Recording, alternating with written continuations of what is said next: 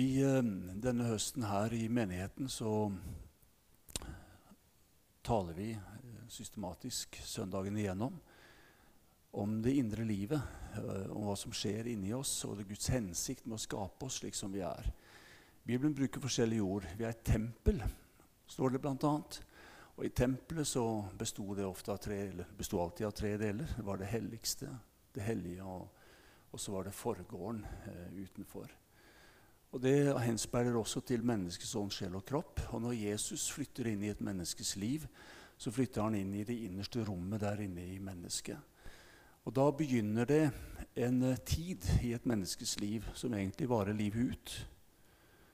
Men det er ikke en sånn her eh, programmert greie som liksom bare Da er det et slags løp som alle bare må igjennom. Nei, da er det en individuell reise med Jesus Kristus hvor Jesus begynner å jobbe inni oss. Og jeg husker godt når jeg var 18 og ble kjent med Jesus sjøl, hvordan jeg egentlig ble helt forundra over hva som begynte å skje i livet mitt. Fordi jeg hadde jo tenkt mye på, på kristen tro og på det å bli frelst som et liv hvor man skulle bli et bedre menneske og liksom få til ting og kanskje forandre på vaner og masse sånne ting. Men så opplevde jeg bare at det skjedde noe helt med meg. Jeg fikk lyst til nye ting. Jeg fikk lyst til å lese Bibelen. Det hadde jeg aldri hatt lyst til før. Jeg fikk lyst til å be. Det virka for meg helt fjernt. Det var sånn liksom rett før du skal dø, så gjør du noen sånne ting. ikke sant? Og jeg fikk til og med lyst til å gå på kristne møter. Og det var jo et lite under for de som kjente meg. Det må jeg si. Men det var ikke noe sånn jeg tenkte det må jeg og det bør jeg. Nei, det kom innafra. Og så våkna samvittigheten min ting som jeg ikke tenkte var noe nøye, plutselig ble veldig nøye. Og så kjente jeg, og det var det viktigste av alt, jeg kjente jeg ble elska på en måte som jeg aldri hadde opplevd før. Og jeg merka at det også gjorde noe med meg. Jeg fikk helt andre holdninger i forhold til menneskene rundt meg. Og jeg så på folk med andre øyne. Eh, og det fantes bare én forklaring på alt sammen. Og det var at Jesus hadde flytta inn, sånn som Bibelen snakka om, og gjort noe med meg. Og så har ikke det vært noe enkel reise. Eh, fordi at når Jesus da flytta inn, så begynte han å jobbe her inne. Og det er ikke noe som skjedde liksom første året jeg ble kjent med Jesus. Det har pågått hele tiden. Eh, og jeg håper jo at eh, Jesus vinner skikkelse i meg, som det heter i bibelspråket. Det det betyr, det er det at den Jesus er i himmelen og i mitt hjerte, også blir mer og mer synlig gjennom ord, handling, tanker, valg, prioriteringer, altså alle sånne ting. Og da er det slik at uh, Hvis det er noe som skal skje fordi at vi får ei slags uh, uh, guideline-bok om hvordan vi skal være, så blir det her veldig tungt. Da blir det noe som minner meg om en barneevangelist vi hadde på besøk en gang når Randi og jeg var pastorpar i Tønsberg. Eh, det var en festgudstjeneste av en helt annen verden, og så kom fyren gående med noen svære bæreposer. Og Han var kledd ut og kalte seg Truls, og det var veldig morsomt.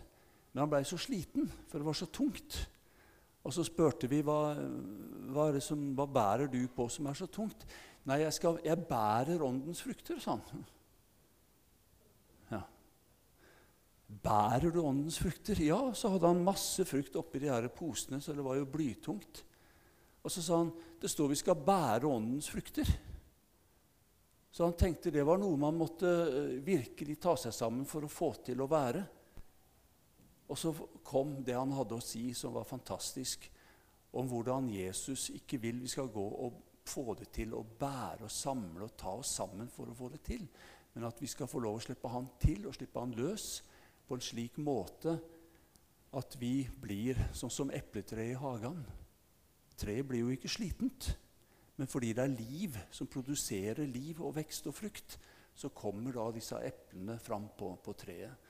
Og Det er noe av hensikten og bakgrunnen for alt vi taler om denne høsten. og Det ligger ei brosjyre der nede på det bordet når du går inn eller ut døra der nede, eh, hvor du kan finne informasjon om det.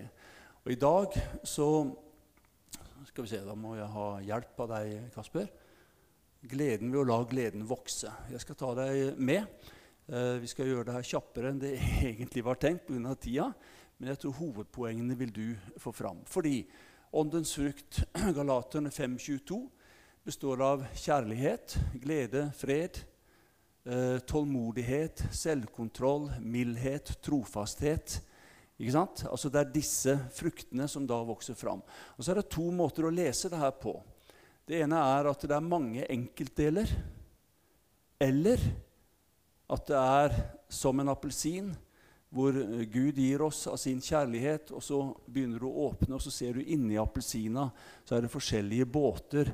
Og En båt heter glede, en heter fred, en heter tålmodighet, en heter selvkontroll, en heter mildhet osv. Og, så er nøkkelen i Bibelen og Dette er utrolig viktig for meg og for alle oss som taler denne høsten. Nøkkelen er relasjonen til Jesus Kristus. Så det ikke blir som Truls, som blei så sliten av å gå og bære på alle disse fruktene. For det er slitsomt å alltid skulle være tålmodig. Det er slitsomt å alltid skulle være en, en, sånn person som er full av mildhet og trofasthet og godhet. Det er slitent, slitsomt å skulle være en sånn superkristen, hvis du forstår meg riktig. Og så skal vi på en måte prøve å være noe som vi da føler vi ikke er. ikke sant? Og så er det noe som krasjer her inne. Derfor så vil Jesus eh, gjøre sin legedomsverk gjennom disse fruktene eh, her inne på innsida. Så eh, gjennom denne høsten så vil vi ta hvert enkelt av disse områdene som åndens frukter er, men vi vil også etter hvert komme inn på de her prosessene som skjer inni oss når Gud da jobber dette fram i våre liv. Og så er det lenge siden jeg var 18 år og ble frelst. Det, da skal du si 'Det ser ikke lenge ut siden'. Nei, takk skal du ha, ikke sant? Ja, det, men det var etter andre verdenskrig. så, så eh, men, men, jeg i mitt liv jeg opplever da både relasjonen med Jesus i det daglige livet mitt, og jeg opplever også at jeg må ta valg, jeg må gjøre justeringer. Eh, mange ganger gjennom tanken min, gjennom munnen min, gjennom handlingene mine, valgene mine osv. Eh, men jeg opplever at det er en utrolig forrett og velsignelse å kunne gjøre sånne valg. Fordi jeg har blitt så trygg på Jesus, og jeg har kjent på de fruktene av det som han gjør der inne, slik at man kan få lov å gå en annen vei. Men gleden ved å la gleden vokse Hvor er gleden? Altså, Jeg vet ikke om du er klar over det, men glede er et behov vi har. Og det er jo da slik i, i den kommersielle verden vi lever i, hvis du skrur på TV-en, eller du går på en flyplass eller du går i en butikk, så blir du bomba med et budskap hele tiden om hva du skal kjøpe, eller hva du skal gjøre for å kjenne glede i livet ditt. Og På den måten så tenker vi bare jeg får den bilen, så, så, blir livet bedre. Jeg blir glad. Eller bare jeg får den og den middagen veldig ofte, så blir livet bedre, og jeg får det veldig bra. Tapas på Gran Canaria eller andre steder. ikke sant? Eh, og bare jeg får det sånn og sånn, eller bare jeg hadde veldig mange venner, så vil det være sånn. Og det er alltid et sånt bare, bare, bare, bare. bare. Og Da blir spørsmålet hvor er gleden? Og spørsmålet blir også når kommer gleden? Og spørsmålet blir også når går gleden? Dette er viktige spørsmål, og de som sitter og designer og markedsfører og lager reklame, de går gjennom disse tankene hele tiden. Hvor er gleden for folk? Når kommer gleden inn i menneskers liv? Og så designer de tekster og bilder og filmer osv. som da går ut i det kommersielle markedet, slik at vi på en måte skal tenke at bare vi får det og det og det, så blir det sånn. Og Da blir neste spørsmålet hva gjør deg glad? Kan ikke du snakke litt med den som sitter ved siden av deg? Hva gjør deg glad? Du som ikke har noen å sitte ved siden av, du må flytte litt på deg. For det, det, er viktig at man kan snakke litt sammen her i dag. Det er litt annerledes tale.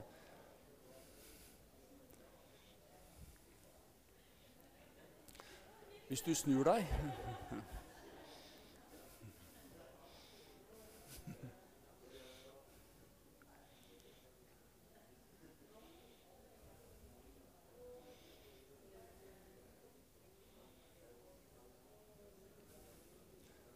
Liv Grete, hvis du snur deg ja.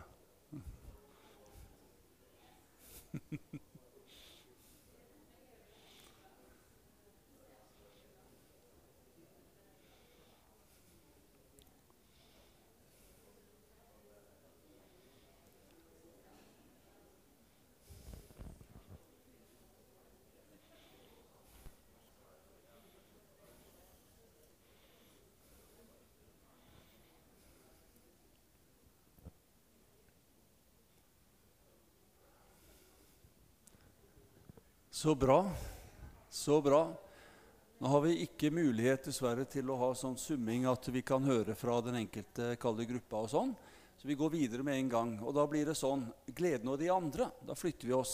Det er ikke meg, men da er det meg som da kan være en kilde eller en ressurs til andre. Og så har jeg satt opp noen bilder og sånn. Og hensikten med de er først og fremst egentlig bare å illustrere. Og så er det ikke plass til alt. Naturen for eksempel, er veldig viktig for mange. Eh, idrett er veldig viktig for mange, osv. osv. Men gleden og de andre. Og da er det sånn det øverste Jeg er så glad i deg. Ja? Den er viktig, er den ikke det? Hvor lenge er det siden du har sagt til noen 'Jeg er glad i deg', eller 'Jeg bryr meg om deg', eller 'Det er så fint når du er her'. 'Jeg setter pris på deg'. Nei vel? For du vet at vi bor i Norge. Og i Norge er det sånn at vi går ofte og tenker masse gode tanker inni oss, og så sier vi det ikke med munnen vår eller uttrykker det på andre måter. Og Her i menigheten så jobber vi hele tida med en type kultur hvor vi ønsker at alt det gode som er inni oss, skal få lov å komme ut på en sånn måte at andre kan føle og oppleve at de har en verdi, og at man bryr seg og at man betyr noe for andre mennesker.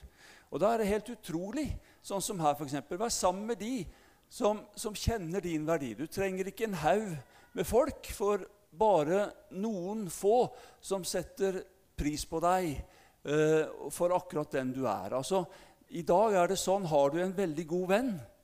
Har du to, så er du rik. Har du tre eller fire, ja, da er du ikke millionær, men du er dobbel, dobbel, dobbel milliardær hvis du har slike mennesker tett på deg, og såpass mange. Eh, og så er det godt at vi kan ha et stort fellesskap og kjenne gleden ved det, sånn som vi gjør når vi kommer sammen her i dag, og sånn som når barna kommer, fordi vi har gått litt over tid her for til barnekirka, men det går helt fint. Vi gleder oss over. Du, de to må forresten få en klapp. Tenk at de kom her i dag. Ja? ja. Kjempebra. Det er så gøy å se dere. Og så Hjemme hos dem så er det omgangssyke. Nå, vi skal ikke gå i detaljer på det. Men eh, For Vegard teksta med meg, pappaen. Men da sa disse to flotte unge damene her vet du, 'Pappa, mamma, vi vil på barnekirke i dag.' Og Da måtte pappaen hoppe i bilen og kjøre dem hit. Vi er så glad for å se dere. Ja, ja også så fine. Ja. Så da tenker jeg at vi får lov å oppleve noe av denne familievarmen når vi er sammen. Hvor viktig er ikke det for oss? Men hvor viktig er det ikke for andre at du kan være en sånn transportør av Guds velsignelse og godhet, som da får lov å komme gjennom deg? Gjennom øya, gjennom munnen, gjennom valga, gjennom prioriteringene, gjennom de her gode samtalene på kafeen etter møtene osv. osv. osv. Så hvem gleder du ofte? Det skal du slippe å svare på. Men jeg bare spør hvem gleder du ofte? Og hvordan gleder du andre? Og gleder du andre systematisk eller impulsivt? Og hvorfor er det viktig å glede andre? Og så har det sniket seg inn fire bokstaver etterpå som ikke skulle vært der. Hvem? Men det er greit å spørre hvem allikevel. Dette er viktige spørsmål. Det er viktig for andre, men det er også viktig på den måten at du kan kanskje gjøre noe av det som iblant jeg gjør. Hvis jeg har en tung dag, for det hender rett som det at jeg også har det, da har jeg funnet ut at du verden hvor bra det er for meg å ringe og oppmuntre noen. Eller hvor bra det er å sende en melding. Tekstmelding. Eh, sånn som nå, f.eks. Jeg kan snakke rett fram om det her. Eh, hjemme hos familien Røyneberg etter at Johannes eh, ikke er iblant oss lenger, sønnen. Hvor mye betyr ikke for Ellen og Arne å få en liten sånn hilsen 'ber for deg', 'husker på deg'? Ja? Eller andre mennesker som kanskje står i vanskelige ting i menigheten eller utafor menigheten, på jobben din eller i nabolaget ditt. At du bare er med og gjør noe sånn enkelt. Det er fantastisk å leve i 2022. Og Vi kan få lov å gjøre sånne enkle små ting. Det eneste det koster, er at vi blir mer himmelske og mindre norske. Ja, ja halleluja, sa utlendingen. Ja. For Bergen er jo ikke norsk, vet du. Sant? Men altså Skjønner dere hvor jeg vil hen? Jeg, dere som kjenner meg, vet jeg er superglad for å være norsk. Og jeg er ikke noe komplekse med det i det hele tatt. Men jeg ser at det er noen styrker og det er noen svakheter. Og i min bibel står det ikke 'bli mer norsk'. Men Jesus sa, 'Følg meg', så skal jeg gjøre dere til. Og når jeg ser på Jesus, hva er det jeg leser da? Da leser jeg om en kar som kommer inn og bryter masse barrierer, kulturelle barrierer, religiøse barrierer. Ting som ellers hadde vært sånne veistoppere for Guds godhet og kjærlighet, som hadde kommet inn og nådd fram til mennesker. Og jeg har tenkt Jesus, du må hjelpe meg, for jeg har lyst til å være et sånn skikkelig mannfolk som du er. Og jeg har lyst til å være en sånn person som du var for menneskene rundt deg. Og Det har ikke noe med kjønn å gjøre, men det har med etterfølgelsen av Jesus Kristus å gjøre. Derfor er disse spørsmålene viktige. Hvem gleder du ofte? Hvordan gleder du andre? Gleder du andre systematisk eller impulsivt? Og hvorfor er det viktig å glede andre? Ja. Og da går vi inn mot avrunding. Men gleden og deg, jakter du på gleden? Vi lever i en kultur hvor alle jakter på gleden, mer eller mindre. Og det å være jeger kan være slitsomt. Ikke sant? Det kan være slitsomt. For hvis du får en fangst, så er jegeren overlykkelig og glad. Men hvis jegeren ikke finner mer vilt, hva gjør han da? Da er det bortkasta. Og hvis du skal leve av å være jeger, ja, da er det jo snakk om så veldig mye annet enn bare at uh, du ikke fikk med deg noe hjem til fryseren. Da betyr det kanskje liv eller død. Og det starter ikke med magen, men det starter med innsida i mennesket. Og hvis du jakter på gleden, så er jo spørsmålet må du finne gleden. Og hvem definerer hva som gir deg glede? Vi veit, og du vil ha meg til å si at Jesus er svaret på alt. Ja, det er jo helt sant. Men du må tenke deg litt om. Fordi du og jeg blir mata hele tida. Og vil ha oss over ifra den grønne forvalter du, over til den andre på den røde. Og da blir Det sånn, det er ikke sånn at fordi vi er kristne, så, så blir vi ikke jegere. Nei, vi, vi må ta valgene våre på de sakene der. Og de er ganske viktige, fordi de avgjør forskjellen på hvordan vi opplever våre egne liv, og hvordan vi også da kan få lov å være med og si, være en sånn kilde også for andre mennesker enn bare oss. Så hvem definerer hva som gir deg glede, og hva er sammenhengen mellom gleden i deg og utenfor deg? Kulturen vår og samfunnet vi lever i, det er her. Vi jakter. Og hver dag så blir du og jeg pepra med det budskapet. Du må jakte, du må skaffe, du må fikse, du må betale, du må fortjene, du må få det til. Du må være flink nok eller god nok. Altså, Det er alltid sånn bare nok, litt til, mer til. Og hva skjer med oss? Vi blir slitne. Og så føler vi oss lurt. Og så begynner vi å sammenligne oss med andre. Og så går vi rundt, og vi blir så tomme og slitne inni oss at vi har vondt i sjela. Og forstå meg rett, og det her er sagt med all respekt Iblant så er det mye verre å ha det vondt i sjela enn i kroppen. Ja. Mye verre. Det er som Johnny Cash synger i en av sine sanger. Han synger at I hurt myself today to see if I could feel Altså, det er så blokkert, og det er så heavy her inne at iblant må man skjære seg. Man må ikke, men noen velger å gjøre. Ikke fordi de har lyst til å dø, nødvendigvis, men for i det hele tatt å finne ut er det igjen noen følelser, eller er alt dødt i livet mitt. Ja, jegerkulturen den driver oss i den retninga om vi ikke går hele veien ut, sånn som Johnny Cash synger om. Derfor har Bibelen et helt annet budskap. Den sier ikke 'du skal finne', den sier 'du er funnet'. Den sier ikke 'skaff deg', men den sier Se hva du har fått. Den sier ikke 'løp for å få tak i'. Den sier 'forvalt det du har fått'. Og det er ikke smått, for Jesus sier i Johannes 10,10 10, at 'jeg er kommet for at dere skal ha liv, og liv i overflod'. Og da er det veldig deilig at det er et langt liv, altså en evighet. Men Jesus er nok mer praktisk enn mange av oss. For han tenkte at uh, vi trenger dette livet nå, før graven, på samme måte som etter graven. Altså dette gudstype livet. Og Vi skal definere på slutt her hva, hva, som ligger i det. Men altså, Gud vil at vi skal forvalte, og da blir spørsmålet er du funnet av gleden. Og Jeg kunne skrevet 'gleden' med stor G. Fordi Guds rike består i rettferdighet, i fred og i glede. Og, og, Når Paulus skal summere alt det her, så gjør han det gjennom en enkel setning i Kolosserbrevet. at Kristus i oss, håpet om herlighet. Og håpet i Bibelen er ikke noe sånn svakt. Hvis jeg spør deg hva, hva tenker du om været neste sommer Nei, jeg håper jo det blir 25 grader mange dager, liksom.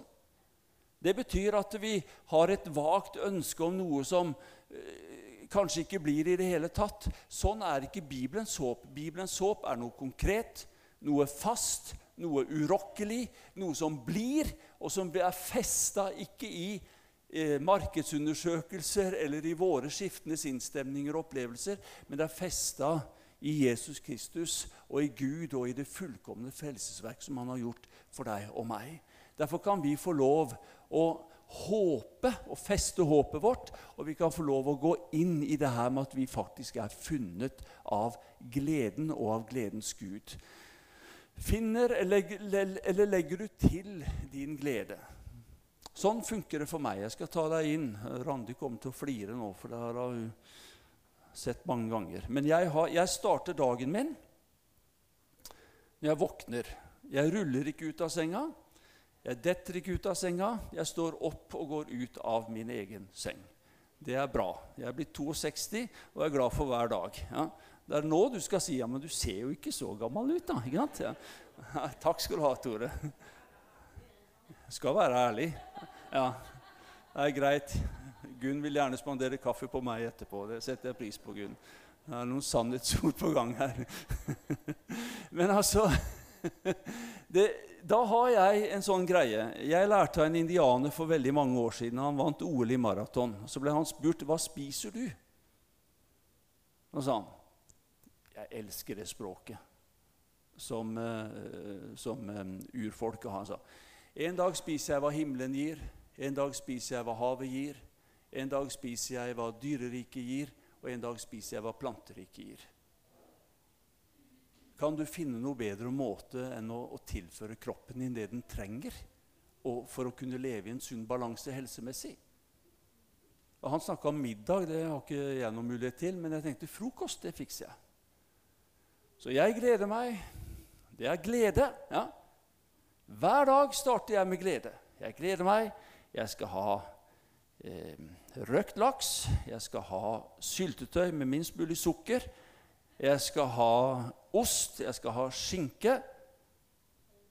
Sånn at jeg har alle disse fire greiene. Og så tenker jeg, Hvis jeg gjør det samme om igjen og om igjen, og om igjen, da får kroppen min så mye av det den trenger. Og I tillegg så har jeg da druer og en klementin og juice og kaffe og noen cherrytomater. Det er min frokost. Og når jeg setter meg ned, så kan jeg spise med glede. Og det er så deilig å kunne stå opp en halvtime før. Fordi jeg alltid har noe å glede meg til. Ja. Og så passer jeg på. Jeg starter ikke med VG. Starter ikke med Tønsberg Blad, ikke engang med Jarlsberg Avis, selv om det er menighetsbladet vårt. Jeg starter ikke med Aftenposten eller New York Times. Nei, jeg starter med dette. Og så Guds ord, eller noe fra en andagsbok. Og så elsker jeg stillheten. Ikke snakke med noen. Tenk å være noe lovsang engang. For den sterkeste lovsangen for meg, det er når jeg sitter der i stillheten med den store skaperen og frelseren. For jeg sitter Å, deilig. Glede. Hva gjør det med meg, tror du? Det gjør masse med meg. Og det er så viktig at jeg da veit at hver dag så kan jeg putte inn glede i livet mitt på denne måten. Og så har jeg lært meg til å se etter de tinga som gleder meg. Når Randi og jeg har muligheter til ting som er oss to. Når vi er sammen med familien vår. Vi er heldige å ha familie. Eller vi har gode venner. Eller vi får lov å stille opp og være noe for andre enn bare oss. Eller vi får lov å nyte natur på ulike måter. Eller vi får lov å glede oss over ting som Gud har gitt oss i livet. Glede. Men da er det ikke sånn at vi jakter. Nei, da legger jeg til. For dette er ikke årsakene til gleden i mitt liv. For denne gleden, den har jeg som sånn add-on, som det heter. Jeg legger det til. For kilden til denne gleden, den bor jo her i hjertet mitt. Det er det Paulus tenker på bl.a. når han sier 'Kristus i oss håp om herlighet'. Og Det er så deilig å være påkobla hele tida med Jesus Kristus. Fordi det har vært en ryddeaksjon her inne i sjela mi gjennom mange år. Og det betyr at støyen som forstyrrer den her tonen mellom Jesus og meg, den er ikke der lenger. Fordi gamle hendelser er blitt helbreda. Selvtillit er lagt over på et annet plan enn å fikse og være best og være sterkest. Og Sånn var det en gang i mitt liv. Selvfølelsen handler ikke om en vellykka eller ikke vellykka barndom, men det handler om å speile meg i hvem Gud ser meg som, og hva jeg er i Jesus Kristus. Alt det her høres svada ut hvis ikke du har vært borti det i erfaringen din. Men jeg sier deg at det betyr at du har bygd noe der inne som får lov å leve på denne måten. Og det blir en kilde som du da kan være i hele tida. Kanskje en av de beste erfaringene jeg har gjort som kan speile det her, det var en gang jeg var i, i Murcia i Spania. Veldig mye Spania her i dag i denne gudstjenesten, forresten. Eh, jeg var der i business, og jeg satt der i, i Murcia by, som er hovedstaden i Murcia fylke en veldig kjent katedral der, og jeg hadde med meg noen forretningsfolk. Og sånn, og vi gikk inn, og nordmenn blir veldig religiøse når vi kommer inn i sånne bygg. ikke sant? Og så satt vi der etterpå og tok en kaffe ute på plazaen utafor. Og så sier da en, eh, en, eh, en, veldig viktig eiendomsmegler som skulle jobbe med et selskap som vi har bygd opp en salgsorganisasjon for, sier han det er en spesiell stemning når vi kommer inn i disse store kirkene her i Spania. han. Ja, det er det, sa jeg. Ja. Og så begynte vi å prate. Og så, men vet du hva? Eh, jeg syns det her er fint, og jeg har stor respekt for det. Men det som virkelig begeistrer meg, sa jeg, det er det jeg har her inne. Ja, hva da, sa han. Nei, altså, han de tilber i den kirka.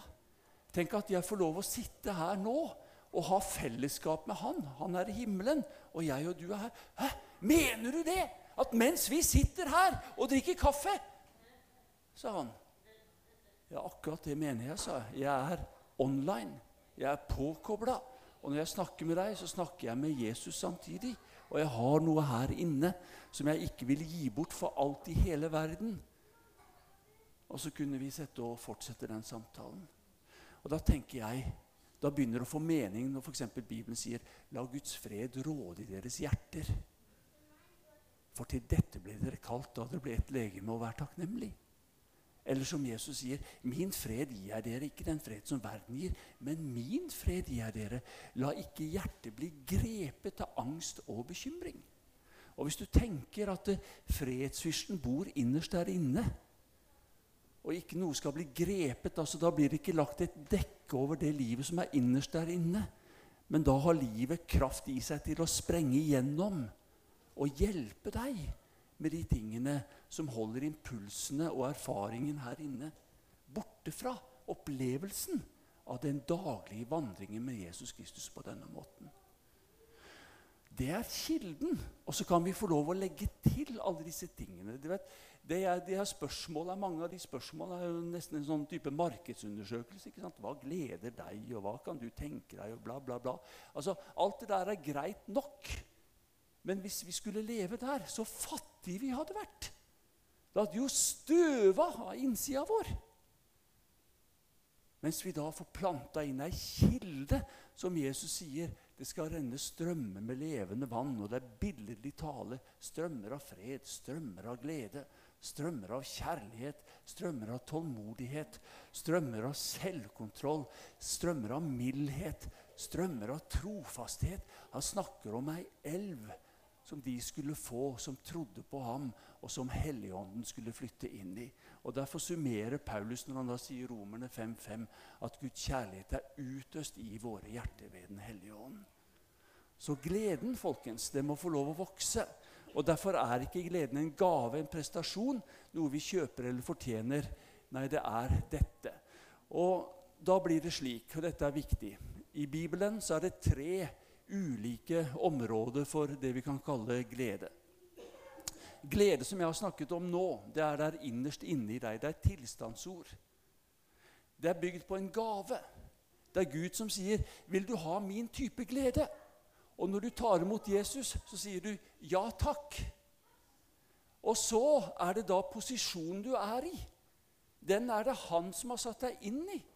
Han sier at 'nå setter jeg deg på et sted hvor min glede kan få lov å bo i deg, og jeg kan få lov å øse den over deg. Og det eneste du og jeg kan gjøre, det er å si Tusen takk, Jesus, at du er så sjenerøs og god. Og ja, jeg vil være her. Jeg har tatt imot gaven, og jeg vil være i denne posisjonen. Og Derfor taler Bibelen mye om å vende sinnet sitt mot Gud. Derfor taler Bibelen mye om å takke Gud under alle forhold. Vi skal ikke takke Gud for alt som skjer i våre liv. Det kan muslimene gjøre. Vi er ikke fatalister. Vi tror ikke på skjebnetro. Vi tror på Gud. Vi tror på Jesus. Og vi tror at han, midt i alt som skjer, også de tingene han aldri hadde tenkt skulle skje, så har vi en kilde og en grunn utenfor oss selv, utenfor følelsene, utenfor fornuften, utenfor erfaringene, utenfor skuffelser eller andre ting. Så har vi en kilde og en mulighet til å si du er stabil, Gud. Jeg takker deg for din godhet, jeg takker deg for din gave, og jeg takker at du har satt meg inn i den posisjonen at jeg får være en sønn eller en datter, og jeg får lov å leve i dette her som Bibelen kaller for barnekårets ånd. Så Det er et tilstandsord. Du kan ikke spørre deg har jeg Guds glede i dag hvis jeg føler. Nei, det har ingenting med det å gjøre. Du kan si takk at din glede bor i mitt liv, Jesus. Og så kan du da begynne å øse ut, sånn som Paulus og Silas gjorde. De satt i det innerste fangehullet, og det var ikke noe å rope hurra for. Og så valgte de å synge sine lovsanger til Gud. Og så skjedde noe utafor dem, ja, men det skjedde noe i dem. Og fordi det hadde skjedd noe i dem, så skjedde det også noe utafor dem. Og dette som skjer i oss, det kan vi få lov å være med å ta med oss hver dag på denne måten. Lykke det er ikke i menneskets ånd, det er menneskets sjel. Når Arsenal slo Tottenham 3-1 forrige helg, da satt jeg sammen med en god venn av meg fra London, og han er Tottenham-fan. Og Vi var blitt enige på forhånd om at vi ikke skulle liksom overreagere på noen måte, men vi skulle ha respekt for hverandre. Ja, det, Sånn må vi prate rett fram med hverandre. Men jeg skal love deg, når Arsenal åh, jeg var lykkelig. Ja. Jeg var superlykkelig. Men det varte bare to-tre minutter. Da var dopaminet løs inni meg. Endorfinene de løp rundt her inne i meg. Og det gjorde meg høy på gode følelser. Og tenk om jeg da skulle tenke at det er sånn jeg skal jakte etter.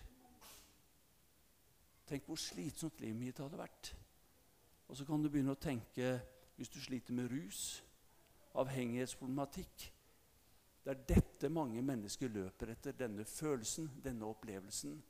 Og Derfor er det så viktig at du og jeg kan få lov å være bærere av glede, som er et tilstandsord, ikke et erfaringsord. For tenk om det var sånn at jeg måtte ha det kicket hver dag. Tenk om det var sånn at det skulle avgjøre om jeg syntes det var godt å leve med Jesus. Tenk om det var sånn at jeg var avhengig av å være i en setting som her i dag, hvor vi kjenner nærværet av Gud gjennom lovsangen og tilbedelsen på en veldig deilig måte. Tenk om det var sånn at når jeg står opp om morgenen, at jeg måtte forvente at jeg skulle ha det sånn hvis jeg var en ordentlig kristen, en åndelig kristen, hvis jeg levde rett med Gud osv. Så sånn er det ikke. Men det er noe som er sterkere, og det er Kristus i deg. Det er håp om herlighet. Derfor er glede et tilstandsord, ikke et erfaringsord. Og så er det nytelse. Menneskets kropp. Da snakker vi om seksualliv, vi snakker om god mat, vi snakker om sånne ting som gjør at vi syns ah, det var deilig liksom på den måten. Og Tenk at vi da ikke skal få lov å være slaver av kroppen vår eller å tilfredsstille den på alle mulige måter som mye av samfunnet vårt i dag driver med.